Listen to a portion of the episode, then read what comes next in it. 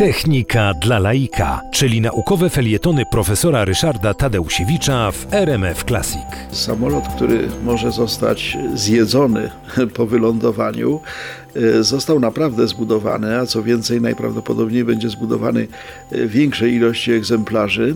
Przy czym e, jest to samolot bezludny, czyli tak zwany dron e, którego chcą używać służby ratownicze.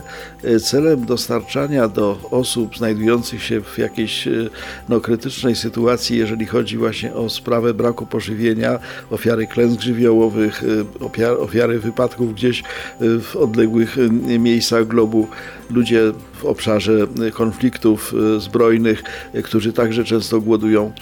Tym ludziom chce się dostarczać żywność w celach humanitarnych, a metody, którymi do tej pory się posługiwano, to znaczy na przykład w przypadku zwłaszcza działań wojennych, zrzuty z samolotów bywały dramatycznie nieskuteczne, bo po prostu te, te pojemniki z tą żywnością bardzo często trafiały w zupełnie te miejsca, gdzie, gdzie ci ludzie zgłodniali, oczekiwali.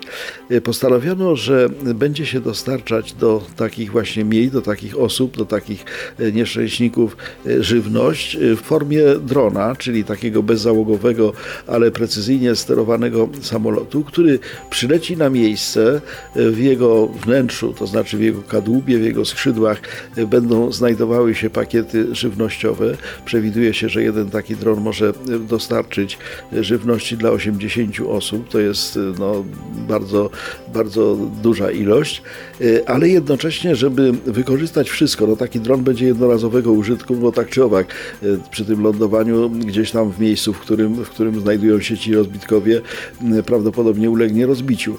Natomiast wymyślono, żeby zbudować go w maksymalnym stopniu z elementów jadalnych. Sekrety nauki odkrywa profesor Ryszard Tadeusiewicz. Oczywiście twardy szkielet tego drona, czyli, czyli to, co zapewnia mu odporność i wytrzymałość mechaniczną, nie może być z rzeczy jadalnych, no więc w związku z tym tutaj przewidziano szkielet drewniany, sądząc, że to drewno też się tym rozbitkom może przydać na przykład do rozpalenia ognia.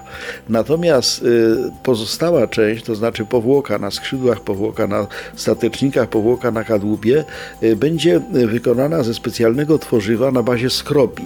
Skrobi, czyli tego, co mamy w chlebie, w ziemniakach, w makaronie i po prostu po wylądowaniu taki samolot będzie po pierwsze oczywiście mógł zostać opróżniony z tych pakietów żywnościowych, które tam się znajdują, żywność, woda, leki, wszystko to, czego ci rozbitkowie muszą, mogą potrzebować.